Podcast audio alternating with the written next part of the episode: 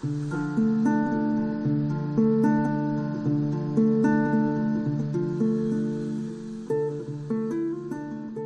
denk dat ik toen ik zeven jaar was, wilde priester worden. Ja, Jezuïeten zijn uh, religieuzen, waarvan de meeste priesters zijn, maar niet allemaal. Ik heb 55 jaar in Congo gewerkt. Heel mijn leven is eigenlijk ja, een genade geweest. En ondanks alles, al mijn zwakheden, heb ik daar toch iets gerealiseerd dat de moeite waard is. Dus mijn leven is de moeite waard geweest. Tot meerdere eer van God. Jezuïten in de lage landen. Dat is de enige tijd van mijn leven. Ik heb geen ander leven gehad. Ik ben 55 jaar in Congo geweest. Ik heb dat altijd heel rijk gevonden. toen stonden ze ook met geweld bij mij.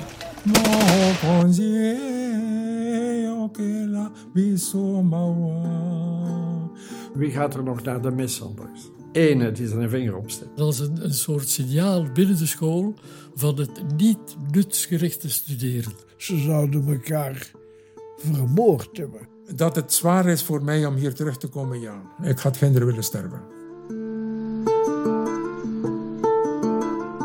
De Vlaamse Jezuïeten met rust betrekken een groot gebouw in Heverlee, een deelgemeente van Leuven. Ze zijn met 32. De gemiddelde leeftijd van de groep is 87.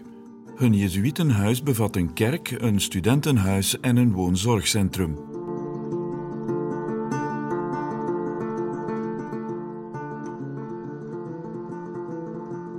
De Sociëteit van Jezus is met ongeveer 17.000 leden wereldwijd de grootste religieuze orde in de Rooms-Katholieke Kerk.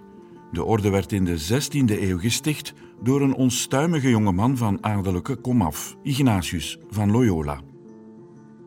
In de reeks audiodocumentaires Tot meerdere eer van God, Jezuïten in de Lage Landen, praat ik met Vlaamse en Nederlandse Jezuïten over hun overtuiging, hun geloof, hun inspiratie hun leven. Ik breng eerst tijd door in het Jezuïtenhuis in Heverlee. De meeste bewoners daar waren tijdens hun actieve leven missionaris. Al hebben ze het land en de mensen van wie ze gingen houden vaarwel moeten zeggen, in hun ziel blijven ze missionaris. In de context van de kerk met een grote K zijn ook deze Jezuïeten, zacht uitgedrukt, non-conformisten niet te beroerd om scherpe kanttekeningen te maken bij heilige huisjes. De kerk als instituut, de bisschoppen, de kolonialisering, het onderwijs en, zonder partijen bij naam te noemen, de politiek.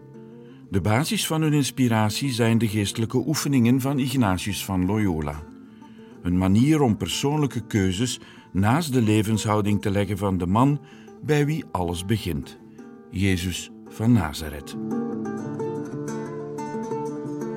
In deze aflevering praat ik met pater Paul de Greef.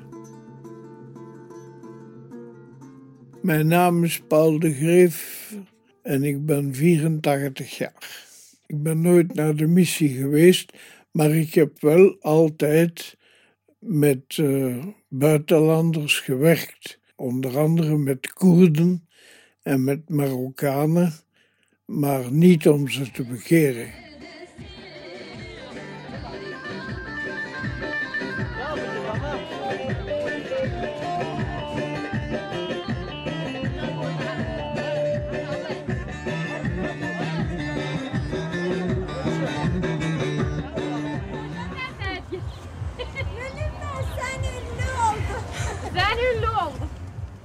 Ik heb gewerkt in een beroepsschool voor meisjes. Wat dus helemaal vreemd is aan de Jesuitencolleges. In en een beroepsschool, daar zitten heel veel vreemdelingen. En dat waren vooral moslims. Ik ben gewijd in 68. En dus het sociale was op dat moment heel dwingend. En ik wou niet naar een chic Jezuïetencollege gaan. Ik was eigenlijk van plan om naar gevangenisalmoezenier te worden. Maar dan kwam er een vraag om in die beroepsschool directeur te worden. Dat waren kapsters en, uh, en naaisters.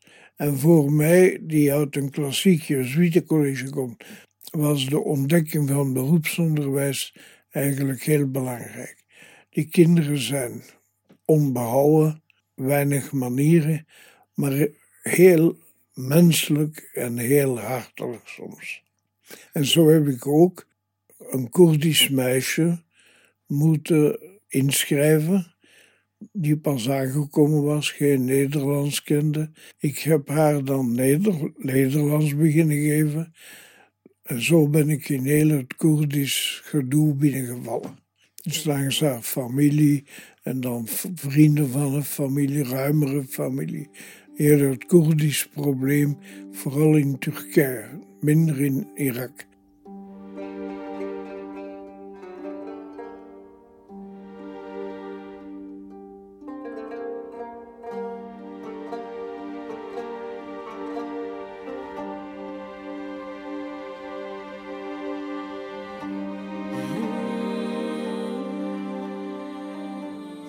Ik kom uit een, uit een arbeidersmilieu.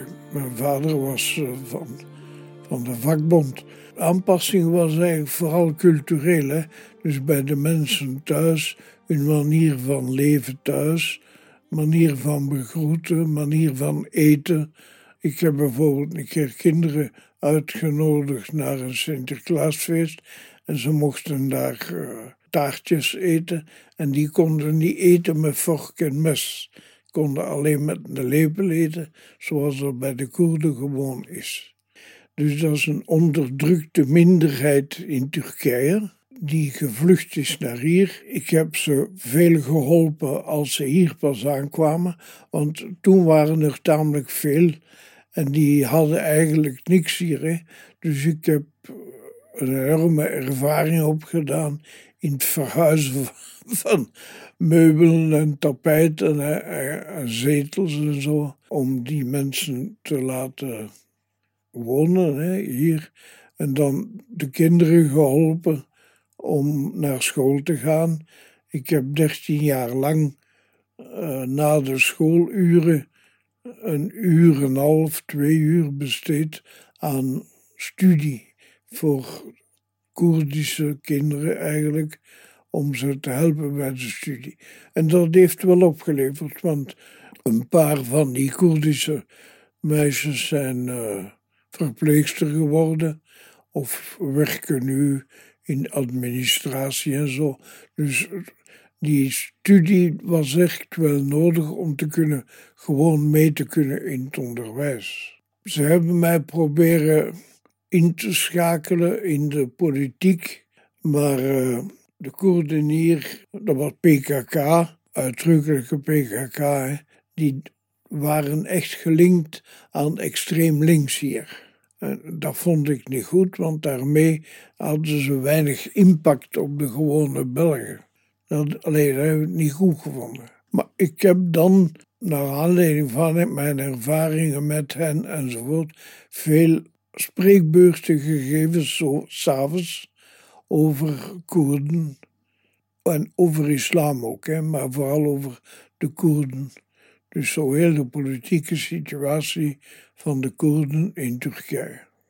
Waarom ze in opstand waren gekomen, hoe ze onderdrukt worden, nog altijd, hoe ze proberen hun eigen cultuur te bewaren ben ook wel met een huis begonnen, Smoldersplein. Een groot huis dat vroeger door studenten werd bewoond. En dat ik ter beschikking had gekregen van de Vlaamse Jezuïeten. En daar heb ik een Koerdisch Marokkaans centrum opgericht. Mala Ibrahim. Mala betekent huis. En is Koerdisch, Ibrahim is Arabisch, Mala Ibrahim, huis van Abraham. En daar hadden dat de PKK-kantoren, daar was een Marokkaanse moskee en hadden ook de Marokkanen een beetje kantoren. Ik had meer echt politiek werk kunnen doen, maar ik vond dat de integratie van kind, van de kinderen hier belangrijker was voor de toekomst. Want wat is de PKK nu hier in België? Dat is niks, hè. Allee, of wel nog in radio, maar voor de rest is het eigenlijk heel weinig. Hè. Was ik niet ingetreden, als je ziet, dan was ik waarschijnlijk in de politiek gegaan. Maar, maar nu op het einde vond ik dat belangrijker. Ik heb altijd wel zo veel sympathie gehad voor ten eerste de vakbond, maar ook het, sociale werk, KWB, KAV. Mijn vader was uh, vrijgestelde van de vakbond, dus mijn neiging is daar naartoe eigenlijk. En dus een onderdrukte minderheid, ook sociaal onderdrukt, de Koerden in Turkije en de Marokkanen hier. Ik ben dus eigenlijk eerder sociaal, je kunt dat links noemen, maar ik ben eerder sociaal georiënteerd. Ook op politiek vlak en ook op maatschappelijk vlak. Wat mij zo een beetje ontgoocheld is dat de Koerden, de keer dat ze hier zijn als vluchteling, erkend, genationaliseerd, eigenlijk heel weinig opbrengen nog voor vluchtelingen, andere vluchtelingen, dan die van hun eigen volk. Dat is wel een beetje. Dus ze nemen heel gemakkelijk het materialistische levenspatroon van het leven hier over. Sommige van de kinderen kunt je vragen en die hebben het moeilijk gehad om hier te geraken. Maar uh, de meeste van de kinderen hebben dat niet beseft eigenlijk. Dat is een van de dingen die mij verwonderd hebben en die gebleven zijn. Ze leven hier tussen ons. Ze kennen priesters, ze kennen de kerk uh, enzovoort. Maar er is geen, niet de minste neiging om christen te worden. Een van de curieuze dingen is dat gemengde huwelijken, dus tussen moslims en, en Vlamingen, eh, christenen, dat dat heel zelden is.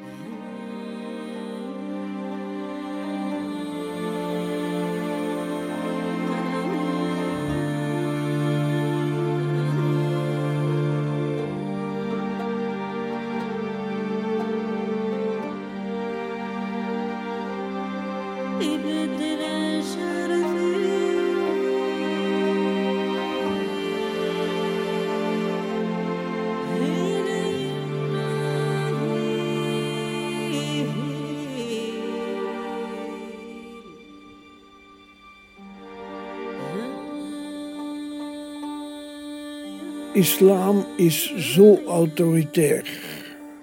In de zin van bepaalt heel het sociale leven van de mensen.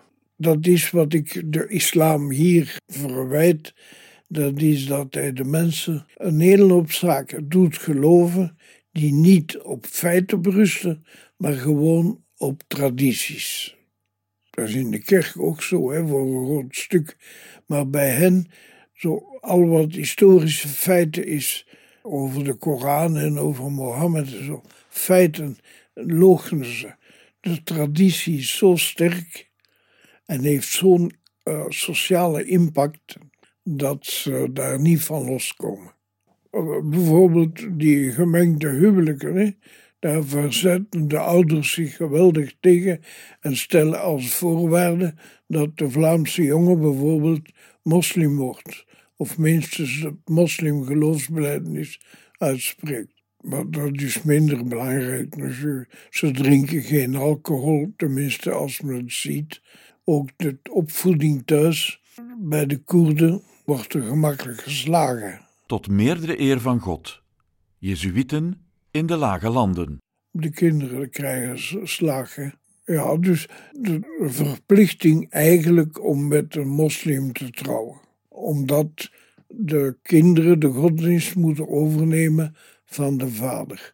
Dus uh, dat gaat. Een moslim die trouwt met een, Vla met een Vlaamse, was meestal is dat niet zoveel probleem, omdat de vrouw toch niet meetelt zo voor de godsdienst van de kinderen. Omgekeerd is heel, is, wordt niet aanvaard wat mij eigenlijk dreef was sociaal onrecht en sociale minderstelling. Dus de Koerden, in het begin hadden ze geen werk, nu hebben ze stilletjes aan heel beperkt werk. De jongeren, dat gaat beter. Dus eigenlijk het sociale motiveerde mij. En dat het godsdienstig niet veel opbracht, ja, tot. Ik ben er niet uit of mensen zich echt moeten integreren en wat dat juist is. De meeste van de Koerden die ik ken, de jongeren, spreken goed Nederlands, kennen goed Nederlands, voelen zich hier helemaal thuis en zo, hebben nog een paar eigenaardigheden van hun godsdiensten, geen bier drinken bijvoorbeeld, geen varkenvlees, dat is een heel sterk uh, taboe. Maar uh, in hoeverre moet dat? In hoeverre kan men met tamelijk verschillende culturele culturen naast elkaar leven? Is mij niet duidelijk.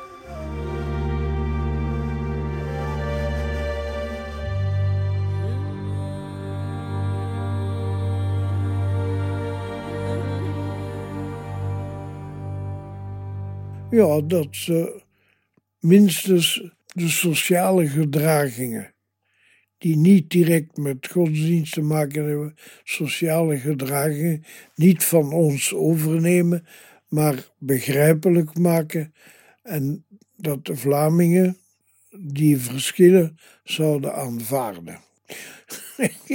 Praktisch voor.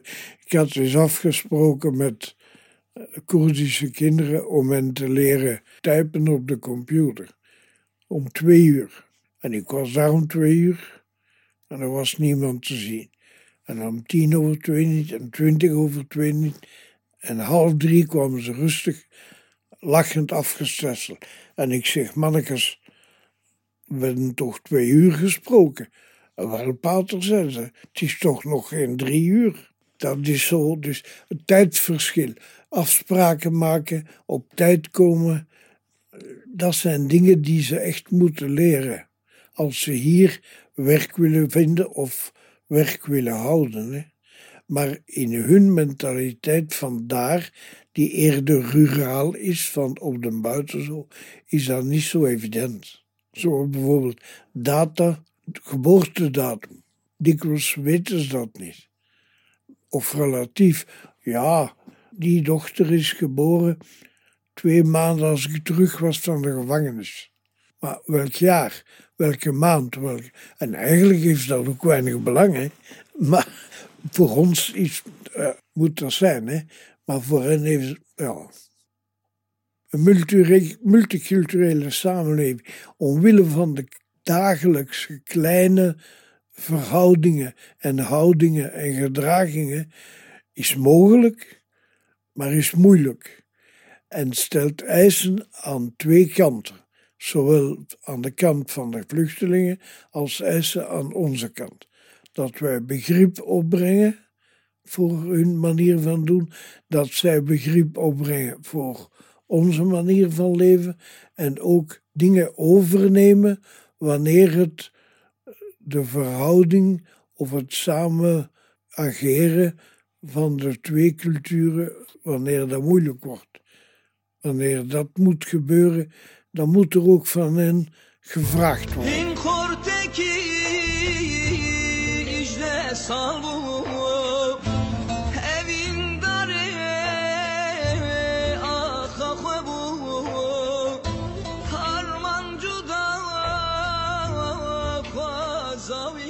De spiritualiteit van waaruit de Jezuïeten leven daar leef ik ook van.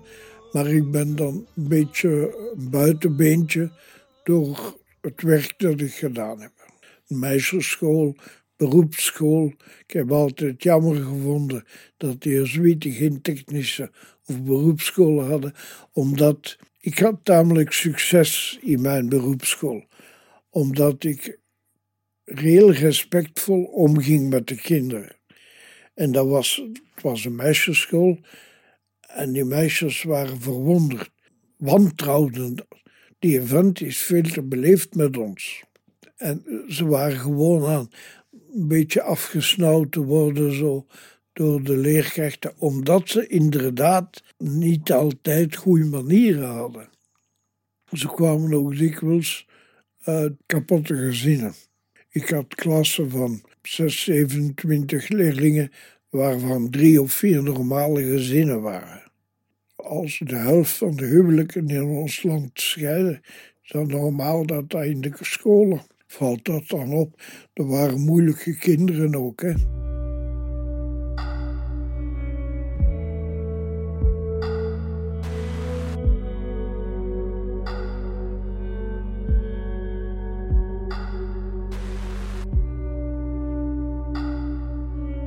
Wel, in Spanje en Frankrijk hebben wij grote technische scholen. En nu gaan ze in Brussel bij ons ook beginnen. En mijn punt is het allerbelangrijkste om in zo'n school of bij die kinderen invloed en impact te hebben, is eerbied, beleefdheid tegenover die kinderen, waarderen wat ze doen ze waren niet altijd beleefd, ze spraken ook niet altijd beleefd, maar dat heeft minder belang. Je kunt iets bereiken met die kinderen en ik, ik denk dat ik dat gereed, want aan de reacties achteraf merk ik dat ik was heel beleefd, ook tegenover stoute kinderen, en ze konden stout zijn. En daarom vond ik dat de Jezuïeten met heel hun opvoeding en hun opvoedingsprincipe. Maxima debetur pubro reverentia. De grootst mogelijke eerbied komt de jongeren toe. Dat is een, een, een spreuk, denk ik, uit het principeboek voor de opvoeding van de Jezuïeten. En dat is volgens mij ook in Brussel wat ze nu gaan proberen. En ze beginnen alleen met technisch, niet meer echt beroepsonderwijs. Maar Principieel is dat het belangrijke.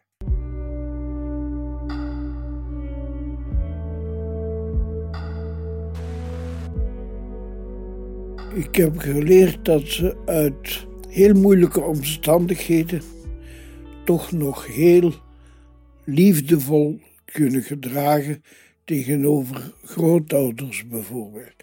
Of zorgen voor grootouders ook als ze zelf in de dikke moeilijkheden zitten. En ook de solidariteit onder elkaar, niet altijd, maar onder elkaar als er moeilijkheden zijn. En als je hebt bijvoorbeeld, ik had meisjes die zwanger waren geworden, hè, als je hen kunt uitleggen dat je daar respect moet voor hebben, voor die kinderen, ook al zijn ze zwanger geraakt, daar luisteren ze naar. Ik op een dag in een van de kappersklassen, ze hadden ruzie. Ruzie. Oh, ze, zouden elkaar vermoord hebben.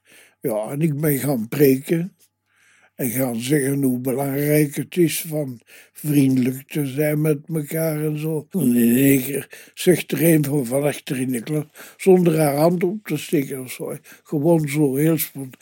Maar directeur, ga ze een toffe.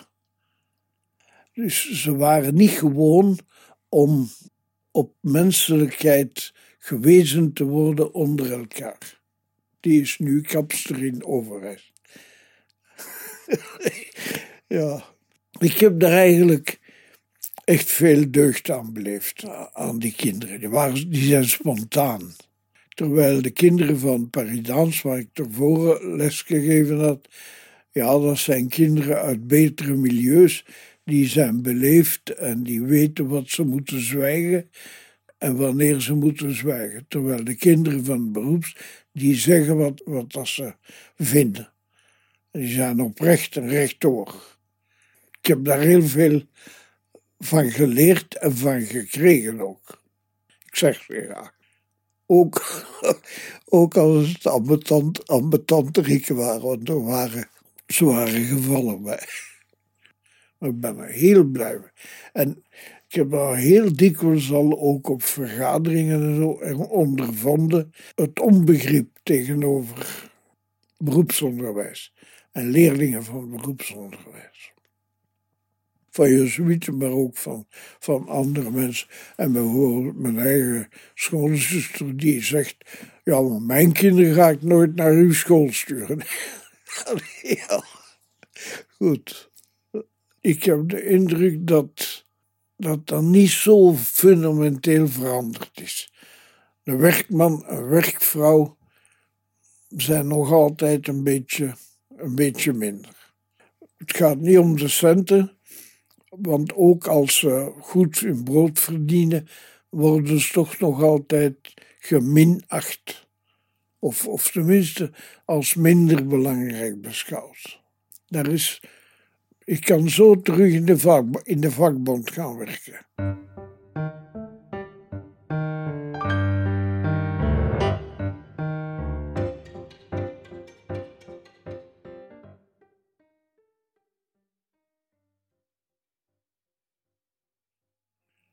Ja.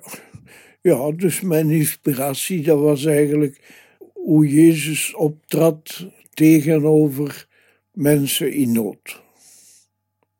Zowel spiritueel als fysiek, zieken genezen of iemand terug opnemen. Dat vind ik een zeer belangrijk element. Waar Jezus dus iemand, vooral mee laatsten dan, geneest om ze de mogelijkheid te geven terug opgenomen te worden in de gemeenschap.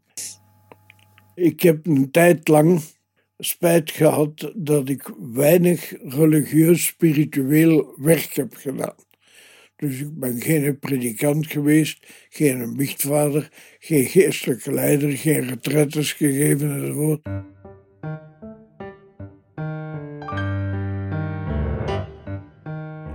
Ik zie heel weinig toekomst voor de islam, zeker hier in het Westen, wanneer men met historische kritiek en godsdienstkritiek en zo de, over de islam gaat nadenken. Tuurlijk, islam is fundamentalistisch. Ook moderne moslims, bijvoorbeeld een van mijn oud-leerlingen, die ik heel graag zie, zit in de gemeenteraad van Leuveneer. Als er mensen zijn die het charisma hebben om in te spelen op dat fundamentalistisch grondhouding, dan maakt je van heel beschaafde, normale burgers, moslims, kunt je terroristen maken, omdat de islam fundamentalistisch is. Door het feit van een gebrekkige historische kennis over hun eigen godsdienst, kunnen ze, denken ze dat ze niet mogen open zijn voor moderne ideeën. Ja, de islam is fundament, fundamenteel fundamentalistisch. Er mogen geen vragen gesteld worden. Ben ik pessimistisch over de toekomst van de islam in Europa? Ja. Over de toekomst van onze kerk in Europa? Voor een groot stuk ook. Ik erger mij sterk en ik ben triestig over het feit dat wij geen roepingen meer hebben. Dat er niemand meer naar ons komt, dus ons niet interessant genoeg vindt.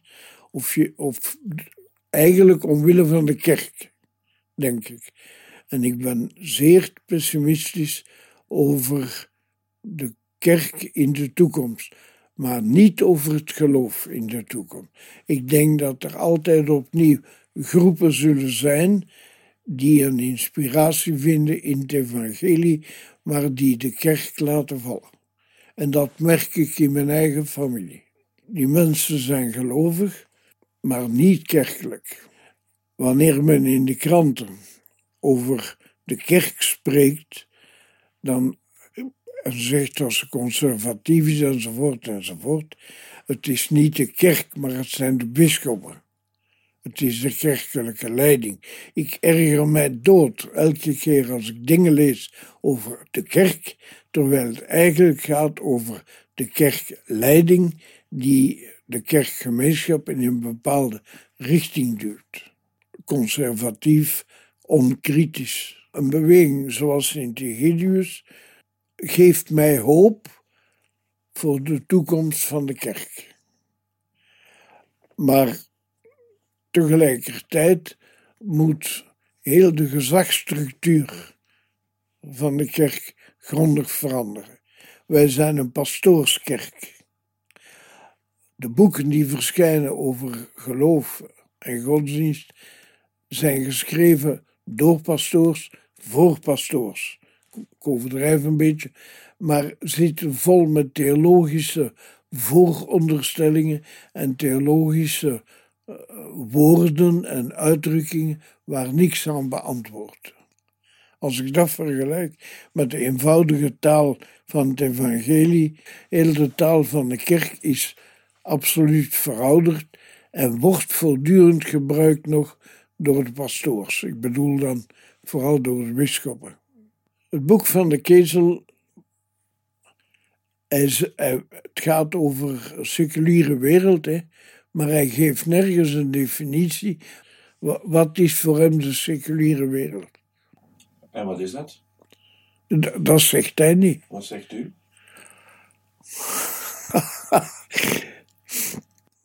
Ja, een seculiere wereld is een wereld die kan leven zonder geloof, maar die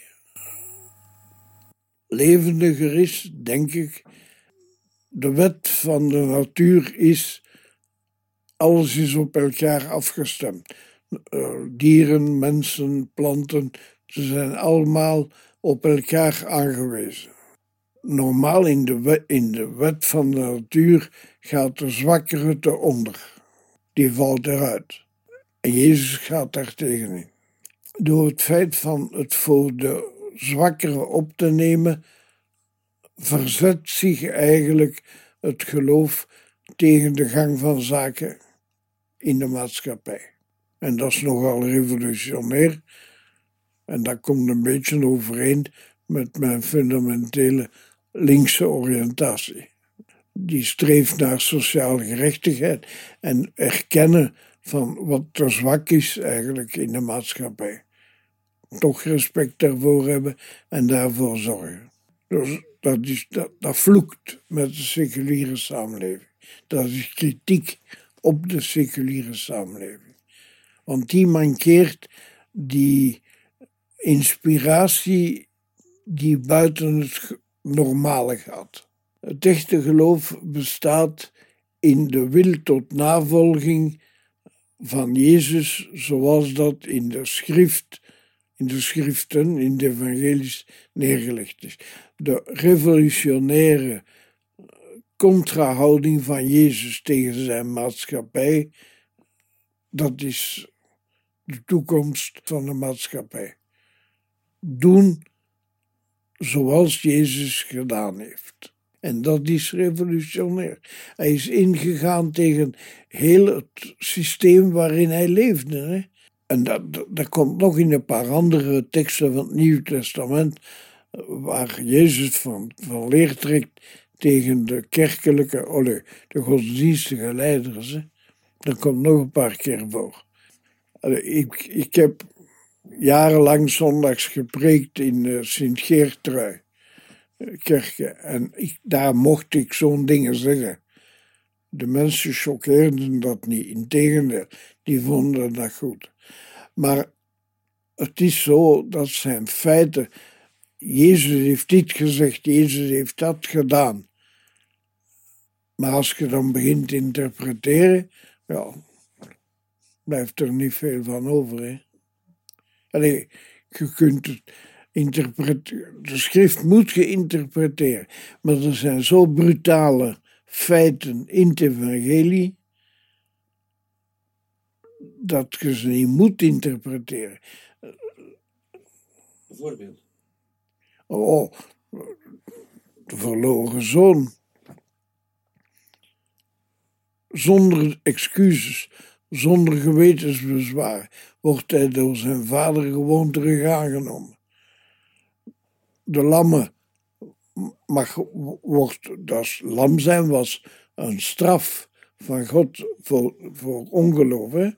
Uh, de Melaatse ook. de mensen die buiten de gemeenschap gezet worden. En Jezus geneest die, raakt die aan dat zijn feiten. Daar moet je niet aan interpreteren. Je moet interpreteren.